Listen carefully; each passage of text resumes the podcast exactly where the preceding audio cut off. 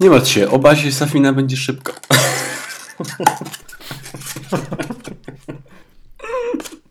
Tam poza śmiercią Bonda nie ma o czym mówić. Ja myślę, że o śmierci Bonda to będzie osobny odcinek.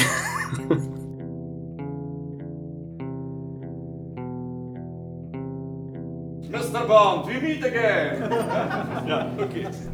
W kolejnym odcinku podcastu James Bond Team.pl witają Was Marcin Tadera, jamesbond.org.pl i Przemek Bartnik, jamesbond.com.pl. Poprzedni odcinek zakończyliśmy omawianiem sceny dziejącej się w Norwegii oraz końcowej odprawy na chwilę przed infiltracją bazy Safina. I tym razem dokładnie od tego momentu zaczynamy. Czyli James razem z Nomi w szybowco łodzi podwodnej zmierzają do bazy Safina. W dosyć bardzo prosty i szybki sposób chyba tam docierają. Jakoś za bardzo nie rozwodzili się nad tematem wejścia do tej bazy, nie? Nie, nie, absolutnie nie.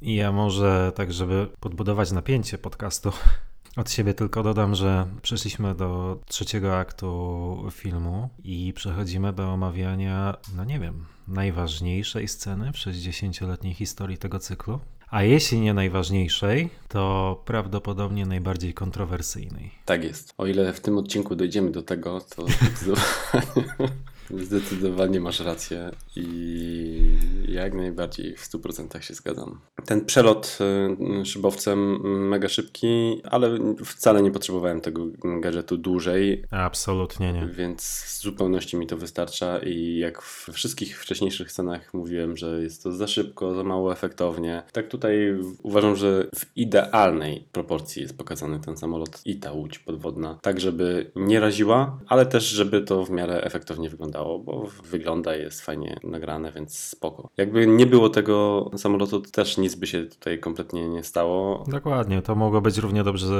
e, rozwiązane zwykłym skokiem spadochronowym. Dokładnie. Lub w jakikolwiek inny sposób. Równie dobrze tak mogła tu być zastosowana filmowa elipsa, czyli przejście powiedzmy od punktu A do punktu C bez pokazania punktu B, bo jest to w założeniach w miarę oczywiste dla widza, więc tutaj równie dobrze mogli ich poka pokazać na tej wyspie, już na tej wyspie i widz i tak by sobie dopowiedział, że no jakoś się tam dostali, bo to nie ma tak naprawdę najmniejszego znaczenia dla fabuły. Choć w sumie, kurczę, może James mógł uciec z tym samolotem. Nie, bo zakładam, że nie, ponieważ co prawda jest tam jakiś rodzaj silnika czy silniczka pokazane, natomiast na pytanie jak to działa pada Mhm, odpowiedź mhm. grawitacja, jeśli mnie pamięć nie myli. Sugerując... No tak, ale pod wodą? E, nie wiem, siłą rozpędu. No dobra, ale już nie spekulujmy na ten temat. W każdym razie z tego gadżetu tak naprawdę chyba najbardziej lubię moment dokowania w bazie Safina, bo w momencie jak wpływa ta ala łódź podwodna do tej bazy, to przychodzą, przywodzi na myśl najlepsze dokonania Kena Adama, co będziemy już tutaj wyciągać chyba non-stop w, ba- w bazie Safina, ale tu jak parkuje ta łódź podwodna, to też w pewien sposób trochę przywodzi na myśl stare scenografie. Absolutnie tak, o tym już wspominaliśmy i pewnie jeszcze będziemy o tym wspominali, ale ja powiem tak. Scenografia e, Marka Tildeslaya, bo tak on się chyba nazywa, jest wybitna. Kurczę, Ken Adam miał o wiele prostsze nazwisko.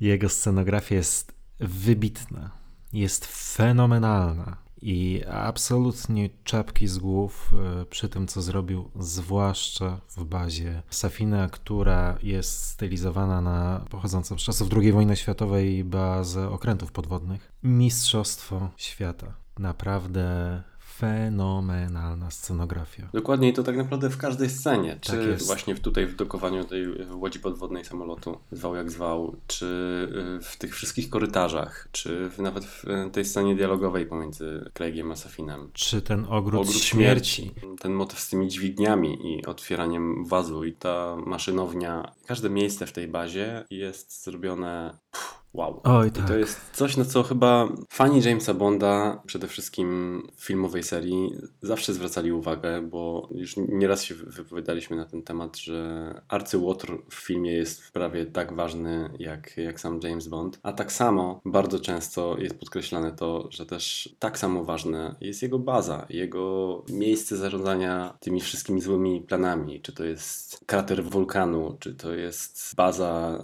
y, podwodna, czy jakiś inne fantastyczne dokonania jak Kena Adama, no to zawsze zwracało się uwagę i ta seria z tego słynęła. Erze Daniela Craiga nie było do tej pory czegoś takiego. W Casino Royale no to jest oczywiste, że, że nie było. W Quantum... Ja motywu hotelu na pustyni akurat będę bronił, ale... Tak, to znaczy... Znaczy broniłem już. To jest fajna, fajna miejscówka, jak najbardziej. Natomiast nie oszukujmy się, to nie jest wyszukana baza arcyłotra, tak? Tak, no teoretycznie coś takiego miałeś w Spectre. Czy to zagrało, czy nie zagrało, hmm, można dyskutować. Nie do końca. Zupełnie nie, bo po pierwsze y, cała wybuchła w jakieś 5 minut, więc za dużo tam nie, nie, widzieliśmy i mimo tego, że faktycznie jest ta baza w Spectre, to jest to namiastka. A tutaj mamy taki powrót do korzeni tej serii. Absolutnie tak. No i wraz z głównymi bohaterami zaczynamy przemierzać tę bazę. Zaczyna się właśnie ta sekwencja od tego gadżetu Q, QDAR, Jakoś która tak, generuje tak, tą tak, mapę tak, tak, widoczną dla osób będących w MI6 i tu jest znowu to, o czym mówiliśmy, pamiętne widły, pamiętny znak, znak psi i w sumie nie pamiętam jaki znak ma Nomi, nieważne. Nie wiem, w każdym wiem. razie jest użycie tego, tego gadżetu i chyba po drodze do tego miejsca znanego z trailerów, gdzie widzieliśmy pojemniki z, z płynem i się tak mocno zastanawialiśmy, co tam jest. Po drodze przechodzimy jeszcze przez zlikwidowanie pierwszego y, przeciwnika, gdzie chyba James i Nomi strzelają jednocześnie, likwidując go. Takie spojrzenie na te radioaktywne elementy w wodzie. Nie wiem, co tam w ogóle jest, nad którymi pracują ludzie Safina. No i lecimy właśnie do tego miejsca z pojemnikami wodnymi, nie? Tak, ja jeszcze tylko na chwilkę tutaj muszę wtrącić jedną rzecz, ponieważ oczywiście zaczęliśmy od, więc kolokwialnie rozwał kawałki. Ale nie zapominajmy też, że w tym trzecim akcie mamy jeszcze taką krótką ekspozycję, to znaczy scenę, w której e, jeszcze nie ma Bonda i Nomi, natomiast Safin e, konfrontuje się z Madeline Swan, gdzie prezentuje Ogród Śmierci. Nie wiem, czy dokładnie ta nazwa pada w filmie, chyba to jest Toksyczny Ogród. W każdym razie nie ulega wątpliwości, że to jest uwspółcześniona wersja Ogrodu Śmierci z powieściowego Żyje się tylko dwa razy, który urządził sobie Blofeld na jednej z japońskich wysp, co zaczyna być w powieści e, problemem dla władz Japonii, ponieważ cała rzesza samobójców się tam kierują, żeby dokonać żywota, z racji tego, że jest tam mnóstwo fantazyjnych i śmiercionośnych e, roślin. Tak więc tutaj mamy tego współcześnioną wersję i myślę, że każdy fan Fleminga jest absolutnie w niebo, w niebo wzięty, że ten motyw został w filmie wykorzystany. W innym kontekście, w inny sposób, ok, ale jest. Tak więc ja tutaj się przyłączam do głosów zachwytu. Rewelacja.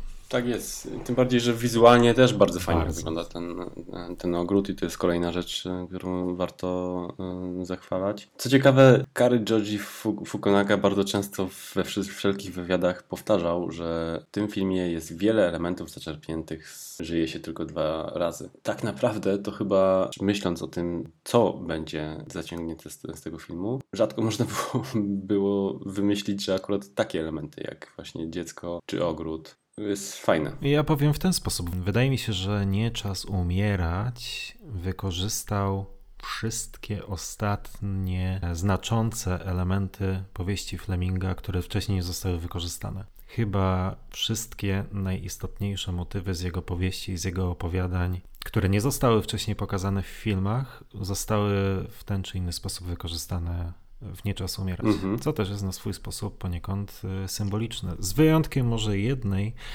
e, czyli postaci Gali Brandt z Moonrakera, która miała się pojawić w e, Śmierć nadejdzie jutro, no ale ostatecznie stała się Mirandą Frost. Mm, tak więc myślę, że wszystkie najważniejsze motywy Fleminga zostały już ostatecznie wykorzystane w tym właśnie filmie. Mhm, mhm. Racja i to jest bardzo, bardzo fajny ukłon w stronę czytelników i no, świetna rzecz. I jak na jubileuszowy film o wiele fajniej i subtelniej rozwiązana niż przy okazji Another Day. Absolutnie tak. W każdym razie ta scena, o której przed chwilą zacząłem mówić, jest jeszcze o tyle istotna, że tutaj mamy do czynienia z tym odebraniem Matyldy e, Madeline Swan. Safin zaczyna ją oprowadzać po, po tym ogrodzie śmierci, już tak to nazywajmy, niezależnie od tego, czy tak to zostało nazwane w filmie, czy nie. I ta scena jest też o tyle istotna, że wiemy, jakie Safin ma zamiary wobec Matyldy, a co za tym idzie, zapewne również Madeline Swan. To znaczy, wydaje się, że on również w swoich psychopatycznych wyobrażeniach Z racji tego, co powiedział wcześniej w gabinecie e, Madeline Swan, czyli że on to rzucił jako oczywistość, że uratowanie komuś życia wiąże cię z tą osobą, tak więc w tych swoich psychopatycznych wyobrażeniach on moim zdaniem widział siebie u boku e, Madeline Swan i Matyldy jako rodzina, ponieważ... Dokładnie, co oczywiście też potwierdza nam so, so good, Mr. Safin. Tak, tak, ponieważ kiedy on pyta witamy... E, Matyldę, czy jej się tu podoba, a ona na to mówi, że nie, no to on rzuca coś w stylu, że nauczysz się kochać to miejsce, doceniać to miejsce, nie wiem dokładnie jakiego sformułowania użył, ale no to jest jasna deklaracja, że on wyobraża sobie, że Matylda, na co za to idzie, e, Madeline Swan po prostu zostaną u jego boku w tym miejscu. Dokładnie, bo on tam właśnie potwierdza, że nauczył się kochać, kochać to miejsce i ona też się nauczy, bo tutaj zostanie wychowana. Tak, to jest jedno, drugie to, tak. to o czym powiedziałem, tak. So So Good Mr. Tak Safin, jak Obruczew widzi, kiedy Safin przy, przyjeżdża do bazy z Matyldą i z e, Madlin, to mówi tam witam pana i pana rodzinę. Więc to jest jakby już w ogóle ten motyw e, znany wśród pracowników, tak? I najwyraźniej byli na to przygotowywani. No, ciekawe bądź, ale e, tak jak bardzo wiele rzeczy w tym filmie, nie do końca dopowiedziane. Zgadza się. Myślę, że warto by było, żeby to zostało gdzieś to naprawdę nie wymagało jakiejś wielkiej ekwilibrystyki. Wystarczyło, że jakaś osoba trzecia rzuci hasło pod tytułem, no nie wiem, on jest psychopatą. To wtedy przynajmniej mamy pewność, że on rzeczywiście jest psychopatą. No i jako taki nie potrzebuje jakiejś szczególnej formy motywacji do swoich działań, ponieważ on wszystko, całą motywację buduje w swojej głowie. Oczywiście w jakiś dziwny, skrzywiony sposób, ale to tak naprawdę wystarczy za motywację. No my tego potwierdzenia jednoznacznego nie mamy, mamy tylko poszlaki i być może to jest jest pewien problem tego filmu, czy rozwoju tej postaci, że brakuje tego jednoznacznego dopowiedzenia, że dobra, nie dajemy wam jakiejś konkretnej motywacji Safina, bo szkoda nam na to czasu, albo nie mamy na nią pomysłu, ale wiedzcie, że on jest, jest po prostu świrem i, i to musi wam wystarczyć. No okej, okay, no. To też samo w sobie nie jest, e, nie jest takie złe. No. Dokładnie. No jeśli jest świrem, jeśli układa sobie jakieś wyobrażenie porządku świata, porządku rzeczy, do którego dąży, o czym też za chwilę będzie mowa, no to tak naprawdę czy potrzebujemy więcej? No nie, no pewnie, że nie, ale... No taka jest natura, nie wiem, czy urojeń, czy tego typu umysłów, no są jakie są. No, co tutaj wielce racjonalizować. A to, że metodycznie dążę do osiągnięcia swoich chorych celów, no to, to jest inna sprawa, ale no wokół tego właśnie zbudowano intrygę. W każdym razie kinematografia miała o wiele więcej przerażających psychopatów i lepiej napisanych psychopatów. A, absolutnie tak, psychopatów. absolutnie tak. Ja tego nie mówię nawet na obronę e, scenarzystów. Chodzi mi tylko o to, że rzeczywiście większość poszlak jednak w tym scenariuszu jest i, i tylko i wyłącznie do tego zmierzam. Natomiast to, że one nie zostały odpowiednio przedstawione, no to to jest inna sprawa. Tu jeszcze czepiając się szczegółów e, odnośnie tego ogrodu, to e, też kontynuowana jest ta gra tej dziewczynki, która też za, za bardzo się nie zmienia w stosunku do tego, jak widzieliśmy ją za szybą Toyoty. Ale już omówiliśmy to i nauczyliśmy się na to przymykać oko e, w poprzednich scenach, więc tutaj chyba jest podobnie. Można próbować to racjonalizować tym, że najwyraźniej mm, Matylda jest przez Madeline Swan od maleńkości przygotowywana na ewentualność obcowania z psychopatami.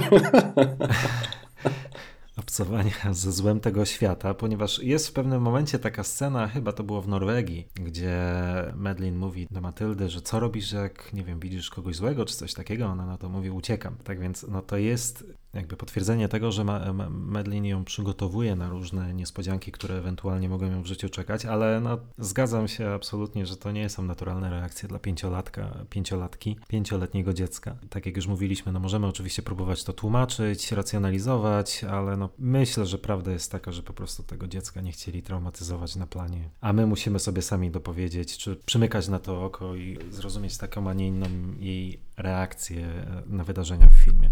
No i co, idziemy do tego pomieszczenia z pojemnikami, gdzie naprawdę wiele osób obawiało się o to, że zobaczymy tam jakieś klony. I chyba nawet mimo tego, że główna broń i fabuła już wiadomo, że toczy się wokół wirusa, to jednak cały czas gdzieś było to takie podskórne przeświadczenie i myśli o tym, dlaczego Safin na przykład tyle przyjął kulek w pierwszej scenie. No gdzieś ja cały czas miałem z tyłu głowy tą obawę, Boże, żeby oni tutaj nie wyskoczyli z y, jakimś absurdalnym pomysłem. No i na szczęście nie wyskoczyli. W tych pojemnikach okazuje się, że po prostu widać Heraklesa i to tyle. Heraklesa, no tak, w sensie te nanoboty. Te nanoboty, mhm. dokładnie. Tak, prawdopodobnie masz rację. Nie chodziło mi o no, greckiego boga z widłami. Wiesz, no tyle wiemy.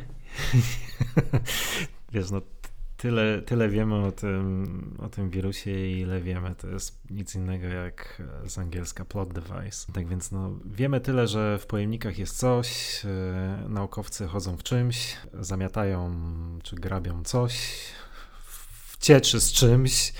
Jest tam oczywiście powiedziane, że to jest fabryka, czyli to pomieszczenie, w którym teraz znajduje się Bond i Nomi, a cała reszta to jest, jak to zostało ujęte, tam jest hodowla, a tu jest fabryka, jakoś tak. Czyli e, to coś z tym czymś i z tamtym czymś służy do masowej produkcji e, tego czegoś. Ale, tego czegoś. Ale czym to coś jest, albo czym tamto coś jest, no jest czymś na pewno niebezpiecznym, bo, bo wiadomo, że kontakt z tym czymś kończy się źle. E, ale wiesz co, z drugiej strony, ja to oczywiście teraz mówię z przekąsem, ale tak naprawdę byłoby z, ze szkodą dla i tej sceny, i dla całego filmu, gdyby próbowali to jeszcze jakimś technobełkotem zracjonalizować bardziej. I tak musieliśmy zawiesić niewiarę na jakimś poziomie, chcąc wierzyć w broń e, biologiczną opartą o nanoboty, które mm, atakują pewne sekwencje genomów w ciele, w ciele ofiary i no to wystawiono naszą cierpliwość e, na próbę i gdyby teraz próbować to jeszcze tłumaczyć to tak naprawdę efekt mógłby być zupełnie odwrotny do zamierzonego, tak więc może nie ma tego złego. Po prostu jest to coś złego, coś szkodliwego, coś trującego, coś toksycznego i to nam musi wystarczyć. Dokładnie tak. I mnie zdecydowanie wystarcza. Ja w ogóle nic nie mam do, ty, do, do tych scen.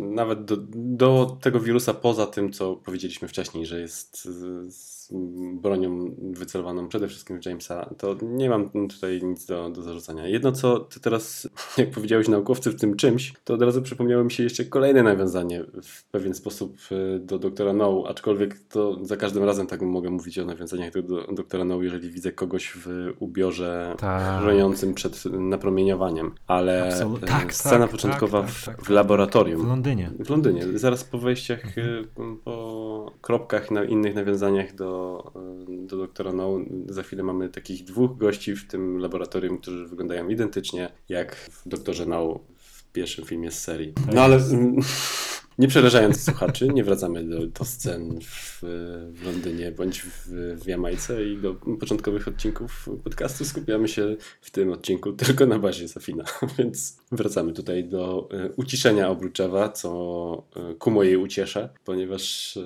ja, dla mnie cały czas jest to taka postać, która trochę jest nad wyraz groteskowa i niepotrzebna temu, temu filmowi. Zbyt nie wiem, w pewien sposób komiksowa i zagrana nie tak chyba, jakbym sobie tego życzył. No ale tu dostanie, dostaje kolbą od Nomi na prośbę Jamesa, bo sugestię, że przecież może go uciszyć, więc Nomi go ucisza. I dowiadujemy się, gdzie jest Safin.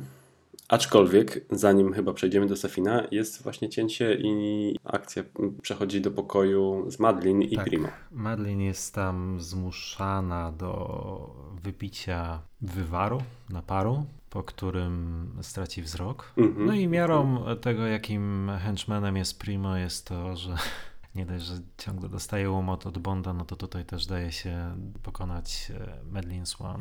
Która w ogóle e, rzuca tym tekstem o tym oślepieniu, oślepieniu i też widz chyba jakoś, przynajmniej ja miałem takie wrażenie, że oczywiście zaraz ta herbata wyląduje na oku Primo i że on, nie wiem, oślepnie albo cokolwiek. W sumie ta gadka o tym oślepianiu w żaden sposób e, miała tylko tak po prostu nastraszyć chyba i widza i, i nie wiem, czy Primo. Ja rozumiem to w ten sposób, że Safin sobie wymyślił, że Medlin miałaby stracić wzrok, co być może ułatwiłoby mu kontrolę nad nią. No byłaby tak naprawdę bezbronna i zdana na jego łaskę w 100%, jako osoba niewidoma. To możemy sobie tylko dopowiadać. No, takie wytłumaczenie mi pasuje do jego osobowości. Mhm. Natomiast Medlin pewnie wspomina o tym oku, żeby go zdenerwować, żeby tak, go tak. wytrącić z równowagi i sprowokować do działania, na co ona reaguje oblaniem go tym naparem. Mhm. wywarem. Mhm. E, no i ucieka, okej. Okay. Na chwilę o niej zapominamy, na dłuższą chwilę. I przechodzimy do konfrontacji pierwszej Jamesa z Safinem. W bajecznej sceno- scenerii, scenografii to podkreślmy jeszcze raz. Tu za, zarówno tak jak i e, Rami Malek przypomina mi postać Jareda, Jareda Leto z Blade Runnera, tak samo ten pokój też mhm. w pewien sposób dla mnie jest takim, bardzo mi przypomina tą scenografię z Blade Runnera. Surowość, Surowość e, ale nie mhm. sztuczność tej scenografii jest fantastyczna. Tam gdzieś jedno jakieś w rogu drzewko bonsai, E, tak, gdzieś takie światło naprawdę. bijące jakby od, odbijające się gdzieś od wody, gdzieś umiejscowione i to jest też co, co mi przypomina Blade Runnera.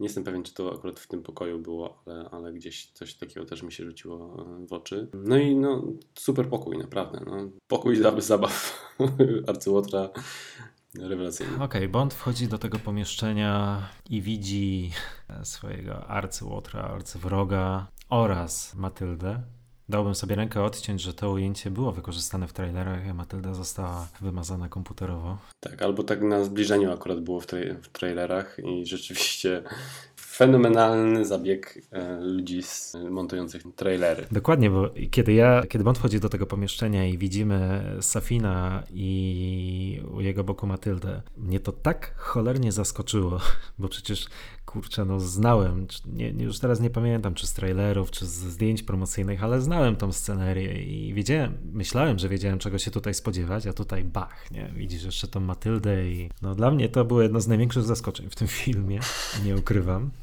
No i co? James zaczyna pozbywać się broni i zaczyna się dyskusja z Safinem. No i tutaj myślę, że już nie wiem, czy aż tak będziemy się skupiać na e, grze Maleka, bo on tutaj powtarza dokładnie to samo, co, co prezentował wcześniej i nadal... Tak jest, jeśli do tego momentu widz nie kupił maniery aktorskiej Maleka, to już w dalszej części filmu również jej nie kupi. Tak, tak, jak najbardziej. Dokładnie i to też jest taki dialog, który tutaj niczym nie powala. I też zastanawiam się, czy może też za dużo razy oglądałem go w trailerach, za dużo razy słyszałem wszystkie te wypowiadane kwestie i to na przemian raz wzbogacone jednym zdaniem, raz bez tego zdania. Mało rzeczy mnie to tutaj zaskakuje. Jedno, co pewien sposób się zawsze uśmiecham, to mhm. era Craiga obfituje w rozpoznawanie psychologiczne postaci przez Jamesa. James robi to w Casino Royale z Vesper, robi to w Quantum nie pamiętam, ale w Skyfall na pewno z, Severin, robi to w Spectre z Madlin i robi to tutaj z, z Safinem.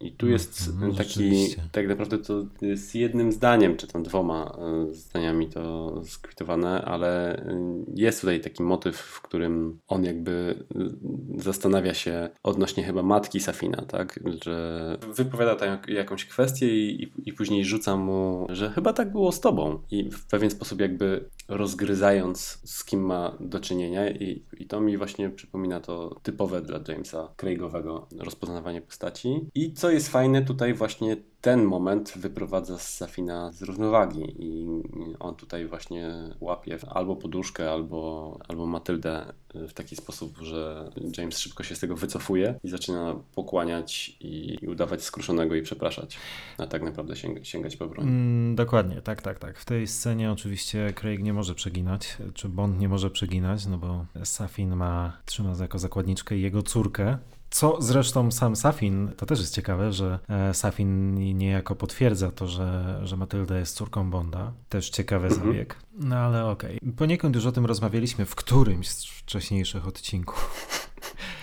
Nie pamiętam w którym. Ale tutaj mamy też e, coś, co musi nam wystarczyć za motywację Safina. Wiemy z animacji komputerowej, chyba jeszcze z Londynu, tak mi się wydaje, że. Albo nie, przepraszam, może to, to jest z tej sceny właśnie w tym pomieszczeniu z tym czymś i z tamtym czymś, już w bazie Safina. W każdym razie widzimy w pewnym momencie e, animację komputerową przedstawiającą przebieg rozwoju epidemii po uwolnieniu e, Heraklesa Tak więc teraz mamy coś, co musi nam wystarczyć jako motywacja Safina do działania, bo tak do końca to nie wiemy, dlaczego on planuje unicestwić miliony, no rzuca hasło pod tytułem ludzie chcą objawienia, nie chcą wolnej woli, chcą, żeby ktoś za nich podejmował decyzje. Mówi też o tym, że chce, żeby świat był lepszym miejscem. No i najwyraźniej śmierć tych milionów ofiar ma być środkiem do tego celu. No i to praktycznie jest wszystko, co wiemy na temat motywacji Safina.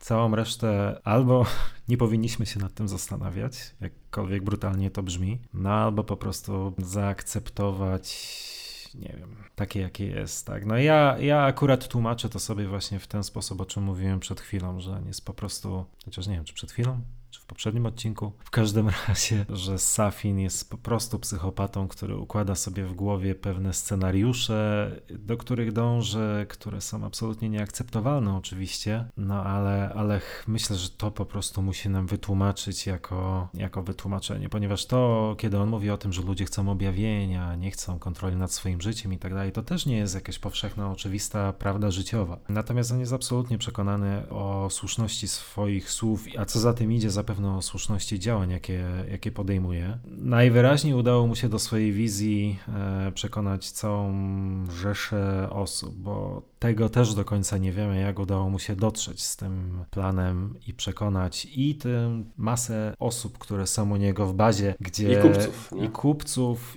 do których na pewno za chwilkę wrócimy, no i Obruczewa, no i e, Logana Asha. Jak on dotarł z tą swoją wizją do tych wszystkich osób, tego nie wiemy. No, widzimy, że w tej jego bazie to w zasadzie nie są jego pracownicy, tylko niemalże wyznawcy w pewnym momencie, tak przynajmniej, takie przynajmniej można odnieść wrażenie. -hmm, Aczkolwiek -hmm. rzeczywiście jest to w głównej mierze anonimowy tłum. Mm, natomiast e, no, musi nam to po prostu wystarczyć. Moje wytłumaczenie jest pewnie dobre jak każde inne, ale lepszego nie dostajemy już w tym filmie. Dokładnie tak. I tutaj Safin próbuje jakby stworzyć zagrożenie, przerazić Jamesa, stworzyć zagrożenie dla, dla jego córki i tym straszyć Jamesa, natomiast James sięga po broń, rozwala strażników, Safin dosyć fajny sposób y, ucieka windą. Jakoś w, w kinie na to zawsze zwracam uwagę, spoko jest ten jego zjazd. Natomiast później jest chyba taki y, jeszcze szybki motyw, w którym James wyciąga pistolet i odwraca się, okazuje się, że y, Madeline uciekła. To też jest takie jedno z bardzo znanych zdjęć promocyjnych tego filmu, jak James mierzy z tego pistoletu. Też w życiu bym nie przypuszczał, że akurat mierzył do, do Madlin. Ale już abstrahując do tego, od tego, później jest E, cięcie i jest właśnie pokazane, jak Safin chyba ucieka pod ziemią tymi korytarzami razem z dzieckiem Jamesa. No i tu też następuje taki motyw, którego chyba mało osób się nawet spodziewało. Sam nie do końca wiem, co o tym myśleć. Przede wszystkim to jest ten motyw, na który czekałem ze względu na scenografię i umiejscowieniem tej kraty za Safinem, która... Tak. Świetlika.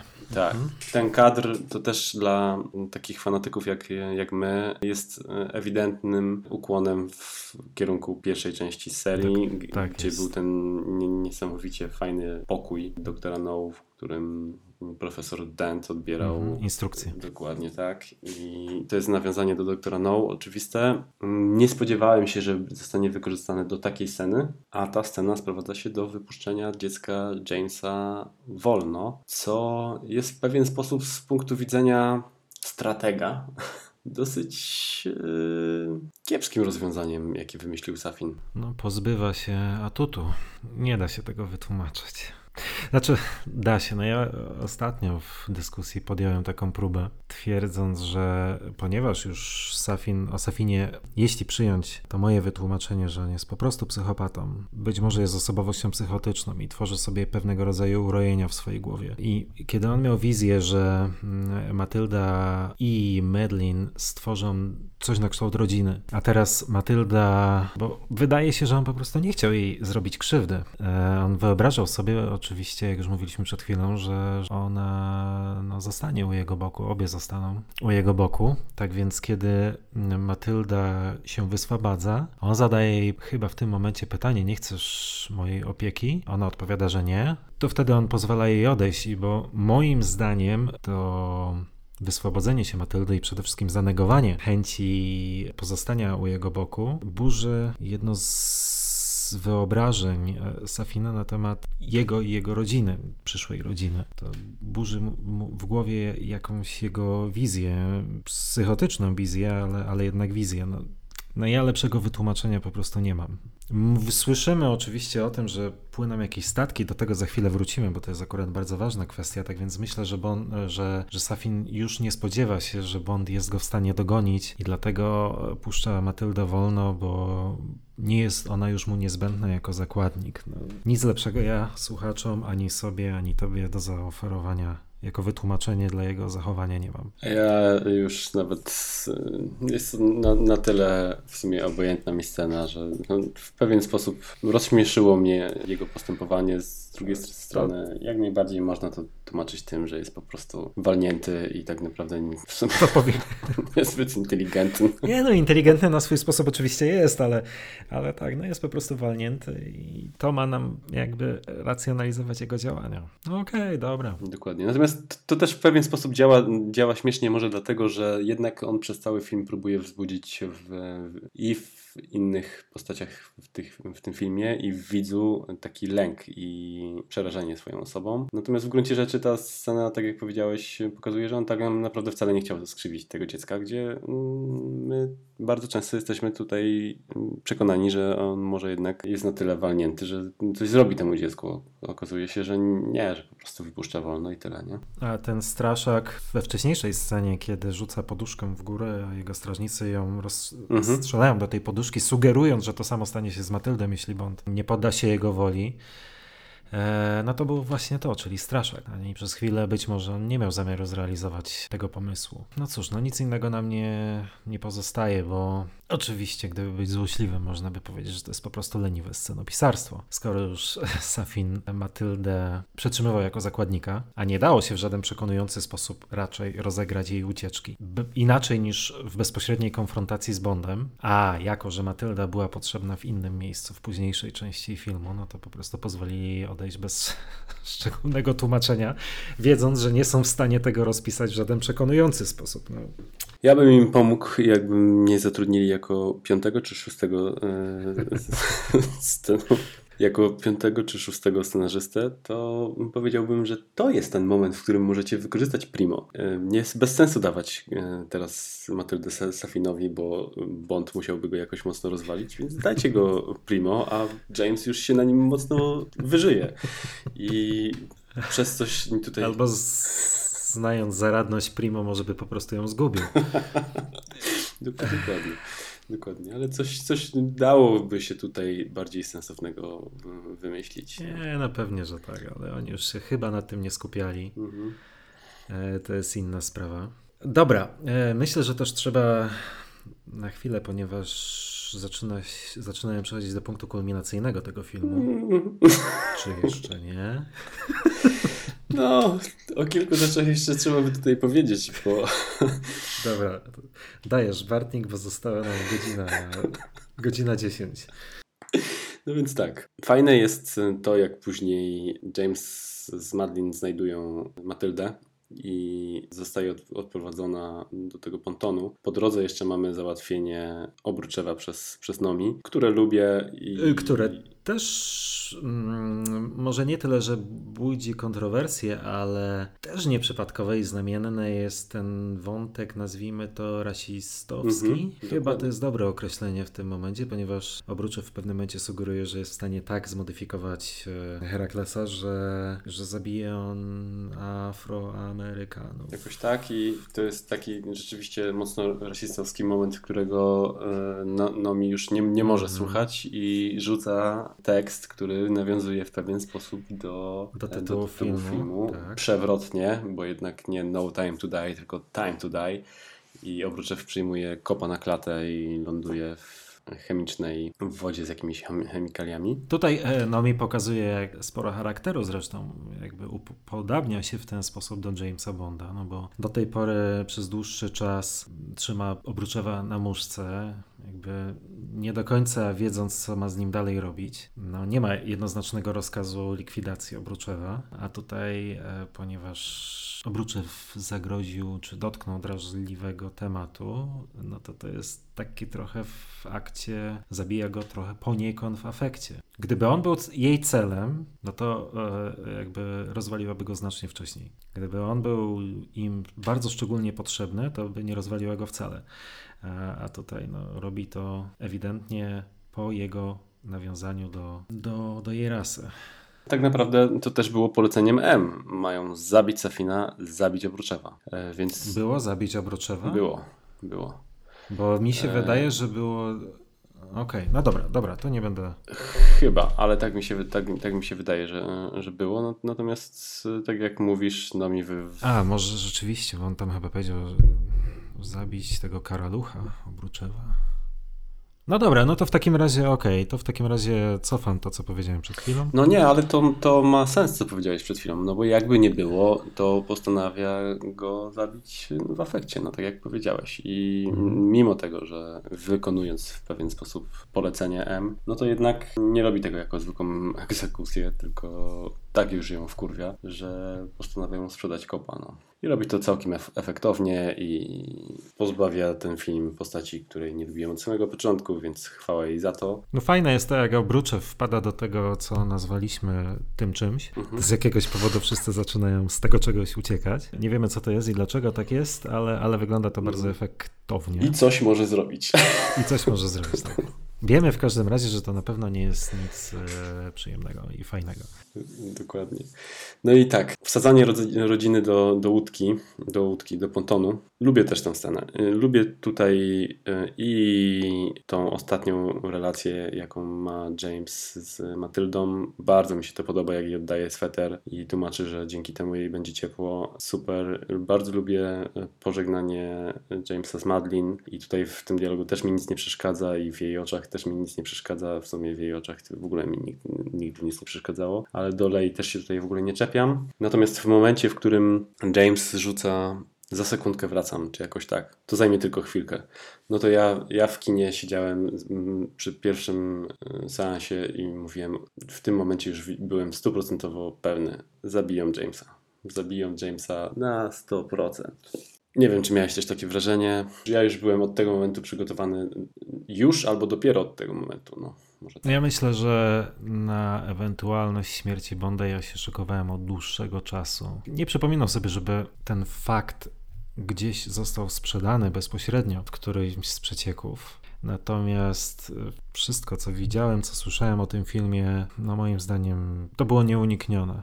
Los Bonda został przesądzony. Tak więc ja miałem dużo czasu, żeby się oswoić z tą myślą. Kwestia, e, nie mając oczywiście pewności, ale byłem, oswajałem się z tą myślą. Kwestia była tylko tego, jak, gdzie, kiedy i przez kogo. Natomiast, no masz rację, to jest tak taka klisza, standardowy tekst, że nie ma w nim nic złego, absolutnie, bo to jest jak najbardziej naturalne. Coś, co pewnie każdy z nas by powiedział w podobnych okolicznościach. To nie jest wymuszony tekst, ale, ale masz rację. Natomiast tak, bo też, żeby mnie nigdy źle nie zrozumiał, ja nie mam nic do zarzucania tej scenie. Ja bardzo lubię ten tekst, tylko to jest... Zacząłeś się w tym momencie już psych, psychicznie przygotowywać na nieuniknione. Dokładnie i ja tutaj też w ogóle, tutaj też muszę podziękować Tobie, bo w odcinku, w którym opowiadaliśmy sobie o oczekiwaniach i obawach w stosunku do, do tego filmu, Ty mnie tam bardzo przygotowałeś na ten moment ewentualnej śmierci Bonda i ja jakoś po rozmowie z Tobą pomyślałem, w sumie racja, no może czemu nie i to,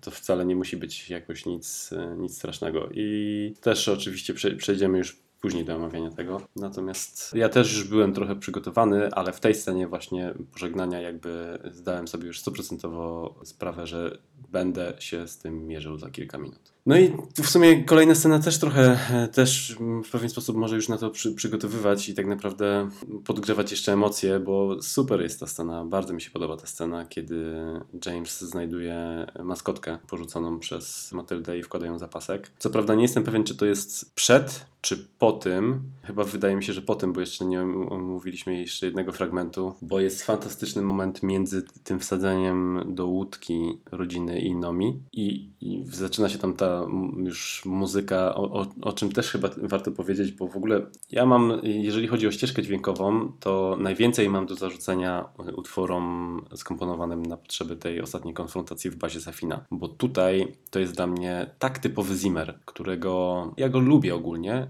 zawsze jego ścieżki są w miarę fajnie dopasowane do filmu i super czasami zbyt może opiera się na jednostajnych dźwiękach, ale nie mam nic do zarzucenia, natomiast tutaj w tej scenie te ścieżki nieprawdopodobnie podobnie brzmią do ścieżki z Batmanów Nolana. I ja tutaj po prostu słyszałem to takie dudnienie z Batmanów, co w pewien sposób nie do końca mi się podobało i, chyba wolałbym coś, coś innego. No okej, okay, dobra, to skoro już przy e, Zimmerze jesteśmy, no to rzeczywiście też chciałem dorzucić swoje e, trzy grosze. Partytura do Nie czas umierać nie jest wybitna. Moim zdaniem doskonale ilustruje akcję, okej. Okay. Najlepsza jest w tak naprawdę w momentach, w którym do, e, Zimmer cytuje, bo inaczej tego się nazwać nie da Barego, czy nawet Davida Arnolda.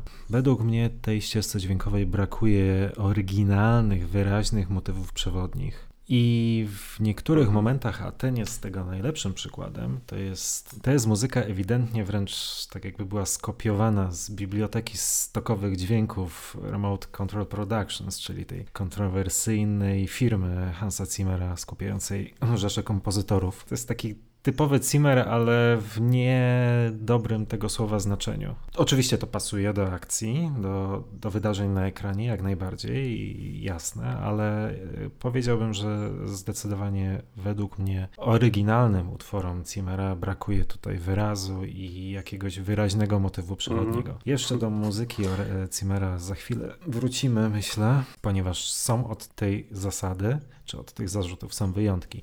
Jeden, o którym mówiliśmy na samym początku, o scenie w materze, nawet puściłeś fragment tego utworu, a o drugim będziemy mówili za chwilę. Dokładnie tak. I, I, I, jeszcze tylko na jego obronę to przyznam, że jeżeli chodzi o Kubę, to tam też te rozwiązania muzyczne bardzo, bardzo mi pasowały. Nie, nie, ja, ja myślę, że o żadnym momencie nie można powiedzieć, że, ona, że muzyka nie pasuje, że muzyka jest jednoznacznie zła, ale na pewno nie ma w sobie jakiegoś takiego pierwiastka wybitności. Może poza jednym momentem.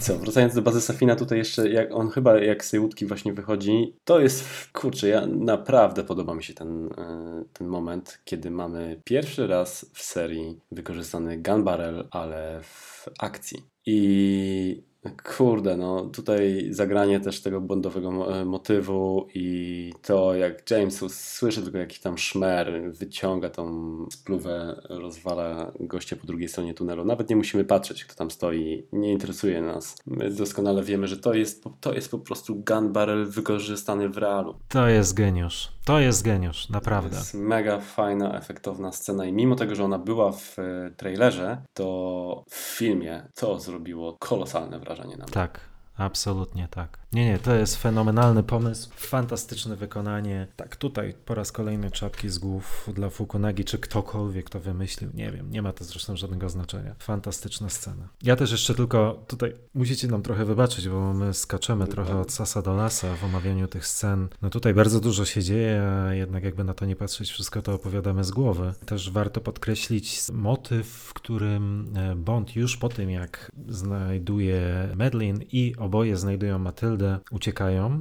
trafiają na Lashana Lynch, na Nomi, no to tutaj też warto podkreślić, jak Bond ich przedstawia, no mówi o nich, mm -hmm, że to jest moja tak. chwila zawahania.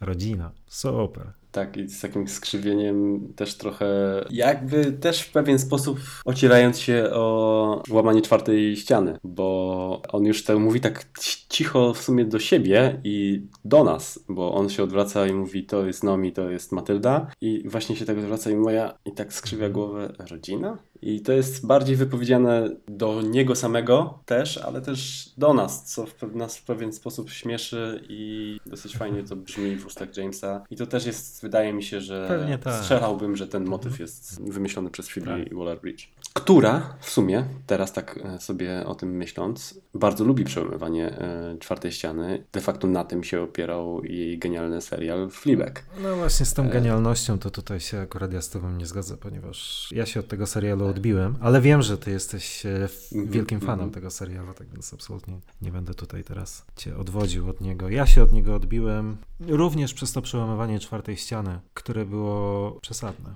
Znacznie bardziej mi się przy... w sumie. Tak, ale znacznie bardziej e, przełamywanie czwartej ściany do mnie przemówiło na przykład w e, House of Cards, Mhm, mhm. gdzie to było raz na jakiś czas, a nie non-stop. Ale dobra, e, bo się zaraz... Po- Podcast o, o Fleabag już niedługo, ponieważ tematy Jest okołobłądowe. tyle, jest tyle rzeczy, których byśmy chcieli opowiedzieć. 45 minut. Dobra, to wracając do fabuły, tekst rodziny mamy omówiony, natomiast przechodzimy chyba do szturmu, bo tak to chyba trzeba nazwać, Jamesa w kierunku tej maszynowni, czy... Tak, tak. E, Okej, to się. Masz rację, że to jest następna, następna scena, ale musimy tę scenę, myślę, odpowiednio wprowadzić. To, co teraz powiemy, jest chyba też kluczowe dla prawidłowego odbioru tego filmu. W pewnym momencie tego trzeciego aktu włącza się ten, jakby to powiedzieć, pozaekranowy zegar, który ciąży nad głównymi bohaterami, który motywuje ich działanie i który próbuje nas przekonać do tego, że ten film musi się kończyć w taki, a nie inny sposób. I nie wszystkich ten pozaekranowy zegar na pewno kupił, bo on, jak wiele innych rzeczy, jest taki mocno niedookreślony, ale przynajmniej spróbujmy zarysować sytuację. Baza Safina i umiejscowiona jest na Wyspach Kurylskich. Wyspy Kurylskie są terytorium spornym między Rosją a Japonią. Tak więc to wiemy. Wiemy, że działania MI6 nie odbiły się bez echa, nie pozostały bez reakcji tych dwóch państw, ponieważ po pierwsze wiemy, że próbują się dowiedzieć, dlaczego podejmowane są działania na, nazwijmy to, spornych wodach terytorialnych. Co M próbuje jeszcze kupić sobie trochę czasu i zyskać na czasie. Wiemy, że Rosjanie bardzo już prężą muskuły, kiedy e, jest wzmianka o tym, że obok samolotu, którym leci Q, że obok tego samolotu przeleciał rosyjski MiG. To jest też bardzo istotna informacja. No i przede wszystkim wiemy, że w kierunku wyspy zmierzają, nie wiem, dwa, trzy statki nieznanego pochodzenia, ale wiemy, że te statki wkrótce dopłyną na wyspę. Nie wiem, czy tam nawet jest podana dokładna, dokładny czas przybycia, jakby nie ma znaczenia. No i wiemy też, że po Heraklesa płyną kupcy. Nie wiemy, kim ci kupcy są, jakie mają zamiary, no ale, ale tak mniej więcej przedstawia się sytuacja. Wiemy też z wcześniejszej rozmowy Bonda z M, że gdyby wiadomość o istnieniu Heraklesa się wydostała na zewnątrz, to mogłoby to doprowadzić do wojny, ponieważ wszystkie państwa chciałyby go zdobyć. I teraz te wszystkie elementy składowe, ich kulminacja ma miejsce mniej więcej w tej właśnie, właśnie scenach, gdzie załącza się ten, jak już to nazwałem, pozaekranowy zegar, który determinuje pewne rozwiązania fabularne, które nie każdego przekonują, nie każdego kupują, ale przynajmniej one są. Jest podbudowa dla tego, co Bond musi zrobić i dlaczego to musi zrobić w taki, a nie inny sposób. Tak jak już mówiłem, nie każdy to kupi. Ja sam nie jestem pewien, czy jestem przekonany, ale przynajmniej, ale przynajmniej doceniam to, że twórcy próbują ten zegar uprawdopodobnić na, ile, na, na tyle, na ile jest to możliwe. Bo porównaj sobie to ze Spectre, gdzie wielokrotnie jest nam mówione, ale wyłącznie w warstwie deklaratywnej, że ten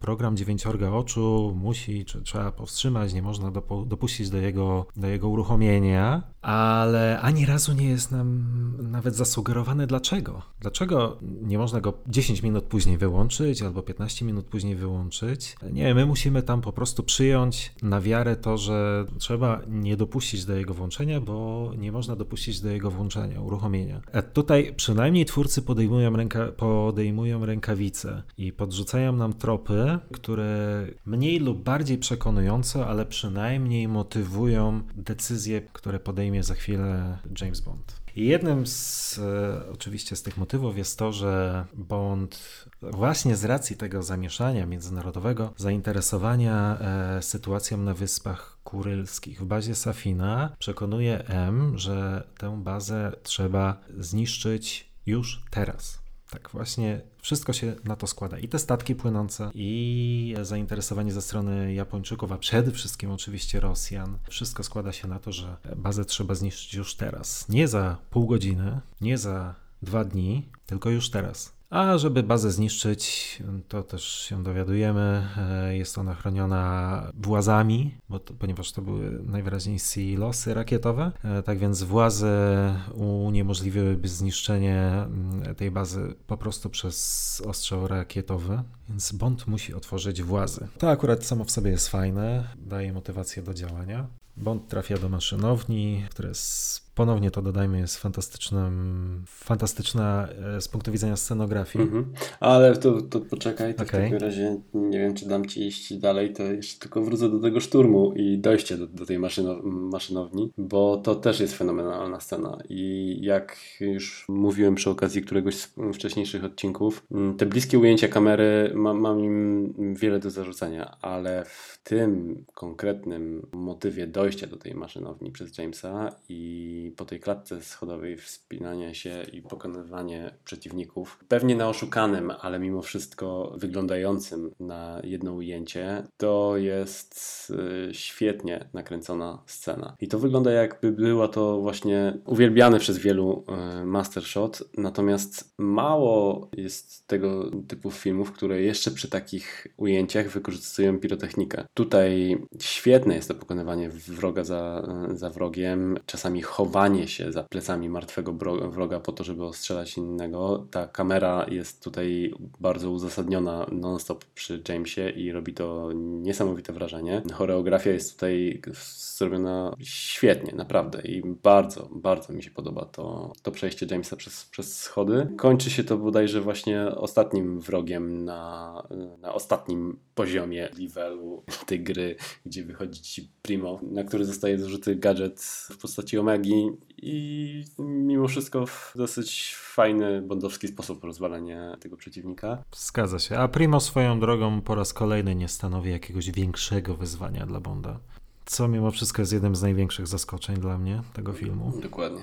Jeszcze wcześniej, w ogóle przed zaczęciem chyba tego szturmu, jest jeszcze ta scena z granatami, która jest też bardzo fajna, gdzie James zdąży odrzucać, odrzucić jeden z granatów, ale za chwilę jest cały deszcz wybuchowych niespodzianek dla Jamesa. To jest też spoko. Natomiast, tak jak mówię, to, ten motyw szturmu i dojście do, do tej maszynowni, perfekcja. Perełka. Tak, to jest perełka. Absolutnie tak. To, co jeszcze bardzo mi się podoba po rozwaleniu Primo, nad którym chyba nie ma co się rozwodzić więcej, poza tym, że jest fajne i, i po Primo, to lubię ten motyw, jak on gada z Q i Q go pyta, czy dotarł do tej maszynowni pokoju kontrolnego, czy coś takiego. Craig odpowiada, że chyba tak, bo dawno już nie wykorzystywał rosyjskiego, czy jakoś tak, czy jego rosyjski jest trochę zardzewiały. I to jest fajne w kontekście tego, jak pomyśleć w porównaniu do poprzednich filmów i tego, jak Craig nigdy nie wykorzystał jako aktor tego innego języka, jakim jest rosyjski. A bardzo często się to zdarzało gdzieś tam, choćby w omawianym przez nas niedawno The World is Not Enough. I tu też lubię sobie o tym myśleć, że tutaj Craig rzuca ten tekst właśnie po to, żeby przypomnieć, że w sumie dawno James nie, nie mówił w języku rosyjskim. Co też jako dygresję bardzo fajnie podkreślił Craig w wywiadach. To był chyba nawet taki śmieszny wywiad, w którym Lashana Lynch wpisywała hasło Daniel Craig do przeglądarki i pojawiały się jakieś pierwsze pytania i zadawała je Craigowi i później była sytuacja na odwrót i Craig pytał Lashana Lynch. I tam właśnie padło pytanie, iloma językami mówi Daniel Craig? Daniel odpowiedział, że on ledwo sobie radzi z angielskim. Nie widziałem. To jest świetne. To na czym skończyliśmy, Marcin?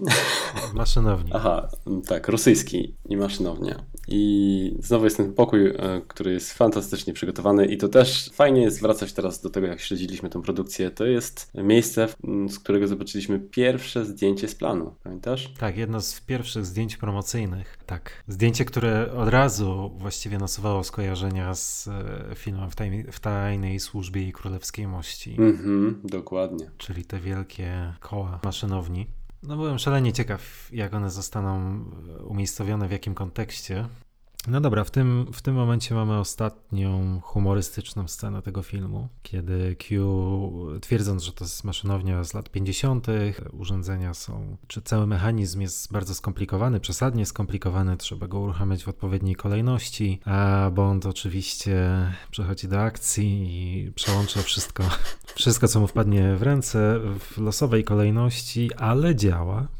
Wrota się otwierają. Fantastyczne. Tak, tak więc to jest jeszcze scena, która poniekąd y, daje nadzieję. Dokładnie, jest jest to strasznie śmieszne i bardzo mi się podoba ten motyw. Bond, będąc przekonanym, że tę część planu wykonał, zaczyna ewakuować się z bazy Safina. Po drodze odnajdując przytulankę Dudu, przytulankę Matyldy. No i wszystko wskazuje na to, że film zakończy się happy endem, ale tylko przez chwilę, ponieważ przebiegając przez jedno z pomieszczeń, przypomina o sobie e, Safin, o którym faktycznie zapomnieliśmy e, jako widzowie, natomiast no teraz o sobie przypomina strzelając do Bonda kilkukrotnie i dość... Tak, wcześniej jeszcze przede wszystkim zamykając chyba najwyraźniej, to chyba on zrobił, zamykając wrota, nie? Z E, tak, tak. więc James Racja. dlatego się Mhm. cofa i, i, i zatrzymuje i próbuje sobie skrócić drogę przez e, ogród Tak. Safina, ale tam dostaje strzały, o których mówisz. Zgadza I tak, się. i to już jest kolejna scena, która y, utwierdza widza w przekonaniu, że o tą ucieczkę nie będzie zbyt łatwo, bo te strzały też nie są jakieś takie... Powierzchowne. Rany nie są powierzchowne. Dokładnie. No i cóż. Przechodzimy do konfrontacji Bonda z Safinem, która, jak każda inna konfrontacja w tym filmie, jest bardzo krótka, treściwa.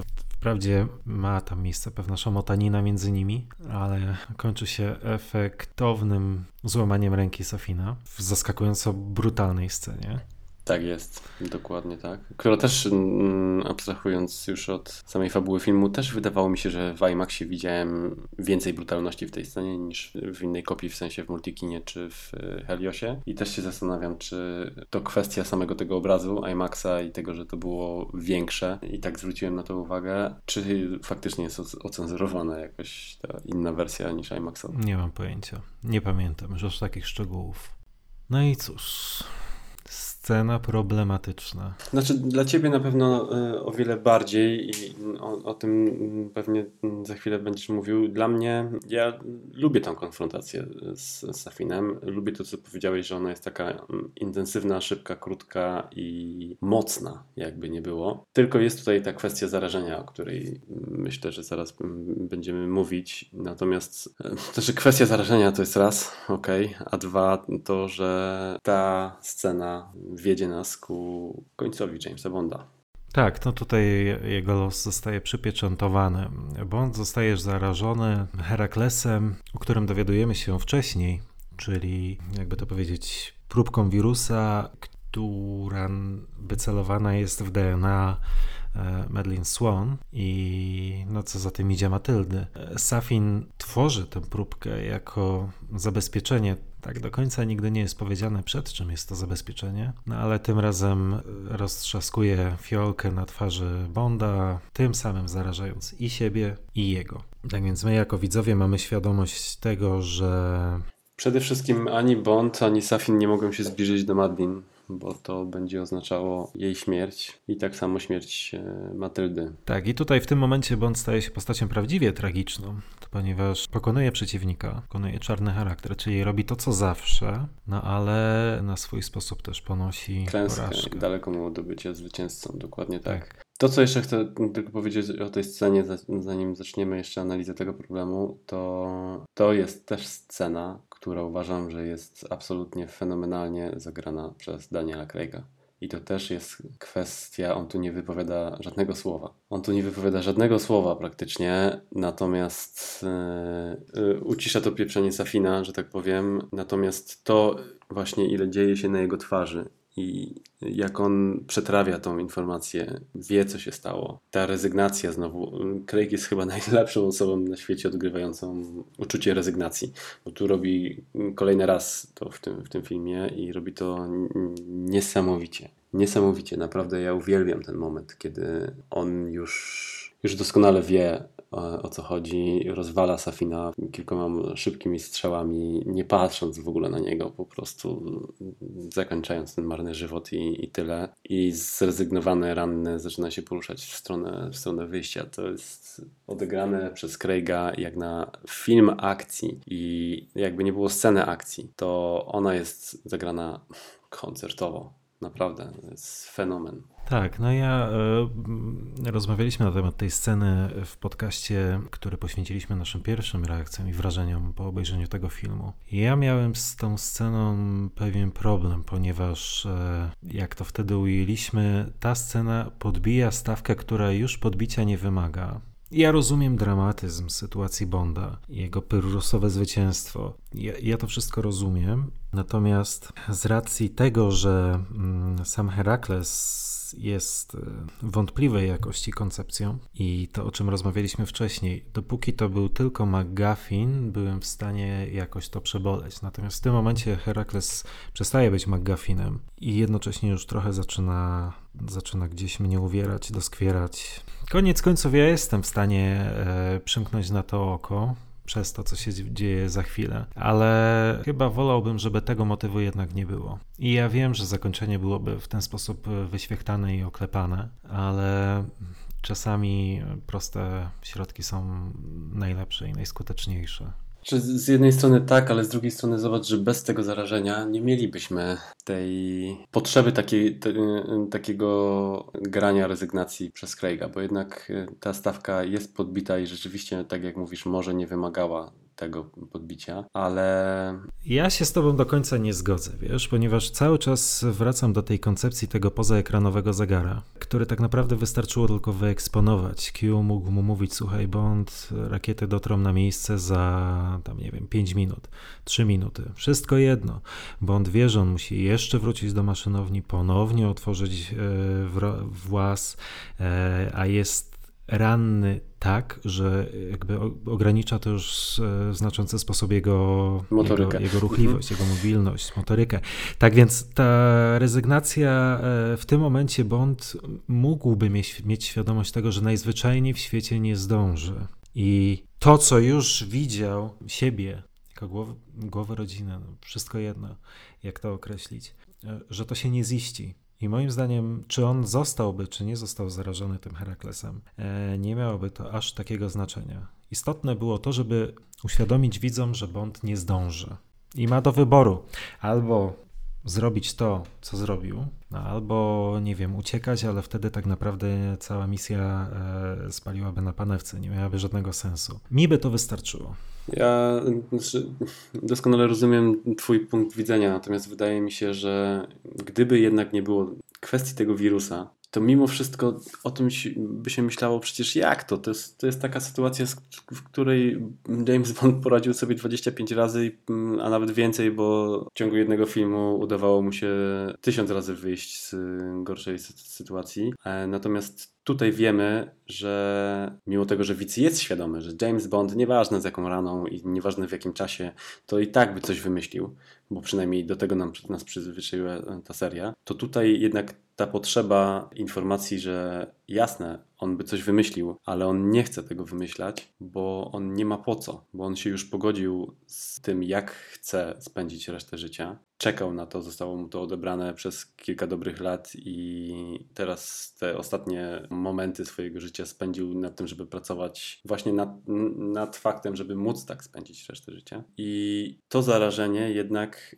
wymusza na nim tą rezygnację walki o to, bo nawet jeżeli mu się to powiedzie, on się upewnia jeszcze w rozmowie z Q, czy na pewno nie da się tego pozbyć. Mm, no i oczywiście możemy tutaj spekulować, bo może tak naprawdę powinien y, uciekać, a kto wie, mm, w przyszłości medycyna może pozwoli się jakoś y, pozbyć tego wirusa i tak dalej. Natomiast jesteśmy tak, tak samo jak on jest zapewniony, że to jest niemożliwe, tak samo widzowie y, są zapewnieni, że to jest niemożliwe. I to podbicie dla mnie jest chyba jednak mimo wszystko potrzebne, bo jeżeli już wymyśliliśmy tego wirusa, który jest, tak jak mówiliśmy, praktycznie istnieje tylko i wyłącznie po to, żeby niesamowicie zagrozić Jamesowi, to jego użycie w stosunku do Jamesa chyba jest potrzebne temu filmowi według, według mnie i według mnie ta, ta sama świadomość tego, że on nie będzie mógł nigdy dotknąć Madeline i Matyldy, to jest clue tej rezygnacji i takiego odegrania niesamowitego przez Daniela Craiga. I ja, ja nie mam nic do tego motywu. Uważam, że naprawdę, mimo tego, że oczywiście wymuszony w pewien sposób przez w ogóle istnienie tej, tej broni, to ja uważam, że to, to było potrzebne do podbicia jeszcze większego tej stawki. To znaczy, i, i, ja się tak generalnie e, w zasadzie nawet z Tobą zgadzał, to, zgadzam. To znaczy, mm, rozumiem koncepcję, rozumiem ideę, rozumiem, że to wydarzenie podkreśla tragizm i sytuacji, i tragizm postaci Bonda. Tragizm, o którym rozmawialiśmy w pierwszym e, z tych w podcaście tego cyklu, który jest przecież już nam sugerowany w napisach początkowych. Rozumiem, że wszystko musiało się sprowadzić do tego, tylko łatwiej byłoby mi to zaakceptować, gdyby to było innymi środkami osiągnięte. Natomiast, no, ponieważ ta sama idea Heraklesa jest tak bardzo na krawędzi akceptowalności, no to e, ponieważ tutaj odgrywa to kluczową rolę tej scenie, ten wirus, ja, wiesz co, tak naprawdę być może za miesiąc, za pół roku, za rok albo za 10 lat przestanie mi to zupełnie przeszkadzać. Zresztą na szczęście też nie jest to rzecz, która mi ten film psuje. Natomiast hmm, mi też trochę brakuje odpowiedzi na to pytanie, na pytanie, czy gdyby Bond nie został zainfekowany, czy podjąłby próbę ucieczki? Bo ja rozumiem, wirus musi zostać zniszczony, on tego wirusa ma, więc jego los jest tym samym przypieczętowany. Natomiast e, czy to może jest też tak, że, że Bond wie, że nie zdąży, świadomość tego wirusa, nieuchronności losu i, i tego wirusa, no bo tak naprawdę to pytanie do Q, jak się tego pozbyć, to tak naprawdę jest tekst skierowany do widzów którym trzeba przypomnieć to, co zostało powiedziane e, trochę wcześniej w filmie, że jak już tego wirusa się ma, to nie da się go w żaden sposób pozbyć. Tak więc zapewne James Bond o tym pamięta, ale ten tekst tutaj jest rzucony dla widzów, żeby im przypomnieć, albo w razie gdyby, jeśli im e, to umknęło wcześniej, no to teraz, żeby mieli tego świadomość. Tak więc trochę mi brakuje odpowiedzi na to pytanie, czy gdyby Bond nie został zainfekowany, czy podjąłby próbę ucieczki. Mm, ja myślę, że on tak czy siak w tym momencie już wiedział, jak to się skończy, bez względu na wirusa. Ja myślę, że nie. To jest James Bond. On zawsze podejmuje próbę. I zawsze podejmował przez 25 poprzednich części serii, 24 poprzednie części serii, więc on się tutaj zdecydował samym tym faktem, gdyby nie wirus, to by podjął próbę ucieczki. Na pewno. Coś by wymyślił. Zamknąłby grota po to, żeby przeżyć atak rakietowy, a później poprosiłby o wystrzelenie kolejnych rakiet. No, rozwalił statki i tak dalej. Żartuję. I... Natomiast tak, tak uważam, że jeżeli ja miałbym wypowiadać swoją opinię na ten temat, to wydaje mi się, że podjąłby próbę ucieczki, gdyby nie wirus. Ale rozumiem, że z tym też e, masz problem, bo do końca to chyba też o tym rozmawialiśmy, że uważasz, że to by było już mocno egoistyczne z, z jego strony. Myślę, że to jest motyw, który zdecydowanie najdłużej z całego filmu musiałem przetrawiać, ponieważ nie tylko ja. Po sensie zastanawiamy się, ale no dobra, ale czy gdyby jednak uciekł, gdyby się odizolował i tak dalej, i tak dalej. Może za 5-10 lat to, o czym ty mówiłeś, dałoby się ten problem jakoś rozwiązać. On tutaj jakby świadomie w ogóle nie podejmuje rękawicy, czy nie bierze innej możliwości pod uwagę. Mówiąc jeszcze do Q w bardzo przejmujący sposób e, that's okay Q, that's okay.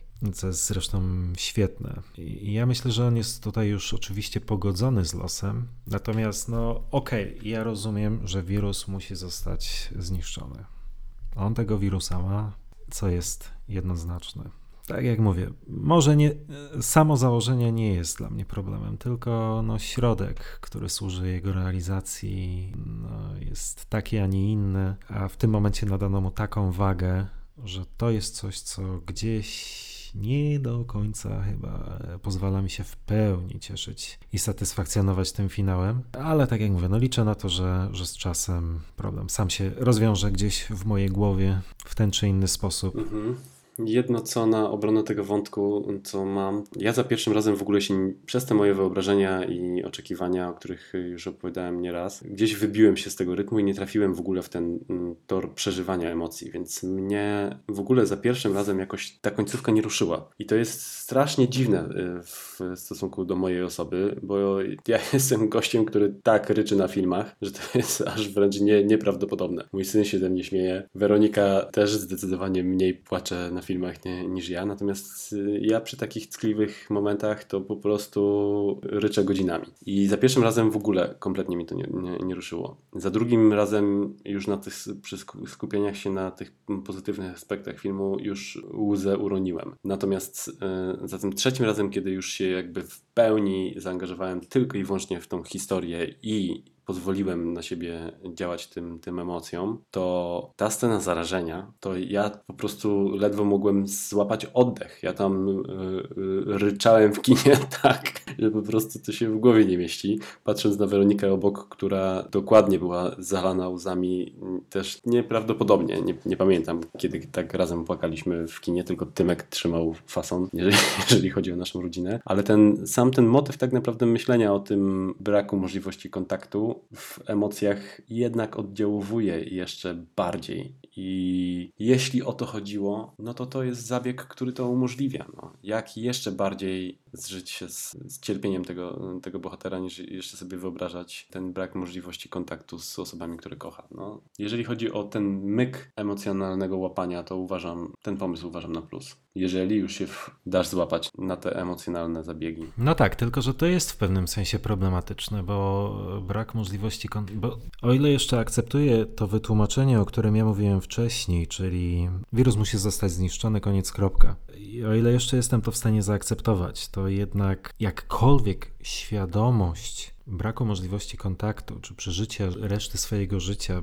bez możliwości fizycznego kontaktu z ukochanymi osobami, jako koncepcyjnie ja to, to rozumiem, ale z drugiej też strony, czy to jest główny powód, dla którego Bond podejmuje taką, a nie inną no, decyzję? dlaczego nie? No, no dlaczego nie? Ja dlaczego nie? Uważam, nie? to no, było egoistyczne. No tak, ale wiesz, wskazuje swoje... robi to też dla nich, nie tylko dla siebie, że on przez to, że nie będzie ich mógł dotknąć, to, e, no to jego życie nie będzie miało sensu, tylko z, też z, przez obawę, tak? Cokolwiek może go w jego profesji ktoś ogłuszyć i, i zabrać do rodziny i jego rodzina zginie. Więc on, żeby zapewnić bezpieczeństwo swojej rodzinie, musiał się poświęcić.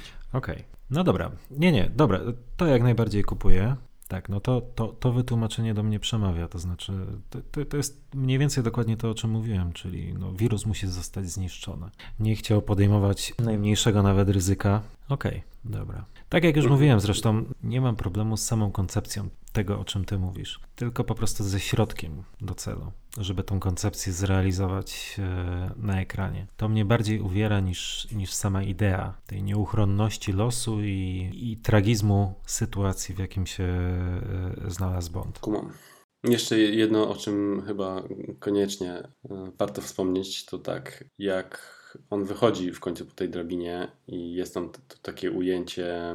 Fakt, że to jest, można powiedzieć, że jest to już taka lekka klisza, pompatyczność, patetyczność sceny, kiedy on y, wyprostowuje się, ma tą maskotkę przełożoną przez pas i jest ten taki kadr, z który, który jak zobaczyłem to od razu pomyślałem, o, będzie milion plakatów z tej sceny, ale nie przeszkadza mi to. Uważam, że jako no, zakończenie i jeden z ostatnich kadrów, na których widzimy Jamesa Bonda, to należało mu się taka laurka. Natomiast dalej, wychwalając grę Craiga, to ta końcowa rozmowa z Madlin przez telefon. Dla kogoś, kto już jest wpuszczony w te emocje na, na ekranie, jak ja miałem za, za trzecim razem, to też ja po prostu odpływam. Fenomenalnie jest to zagrane przez Craiga i w momencie ten jego ostatni, ostatni tekst, kiedy Madlin mówi, że ona ma twoje oczy i on z tym uśmiechem mówi wiem, wiem i za chwilę jest pierdolnięcie i po prostu James Bond wybucha.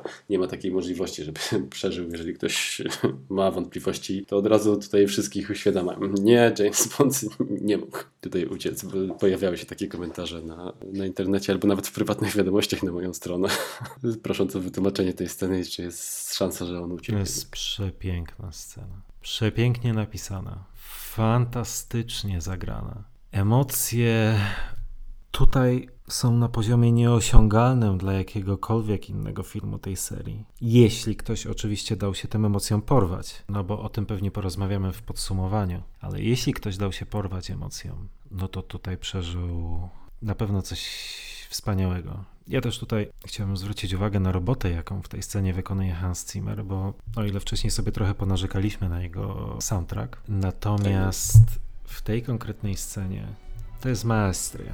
To jest absolutnie wybitna sekcja smyczkowa, która potem jest podbudowywana w trakcie rozmowy i przez gitarę, i fortepian, później jeszcze instrumenty e, dente. Pewnie, że ten utwór jest niesamowicie, można by powiedzieć wręcz patetyczny, no, ale powiem tak, jeśli jesteśmy świadkami śmierci Jamesa Bonda, to tak właśnie kurwa ma być.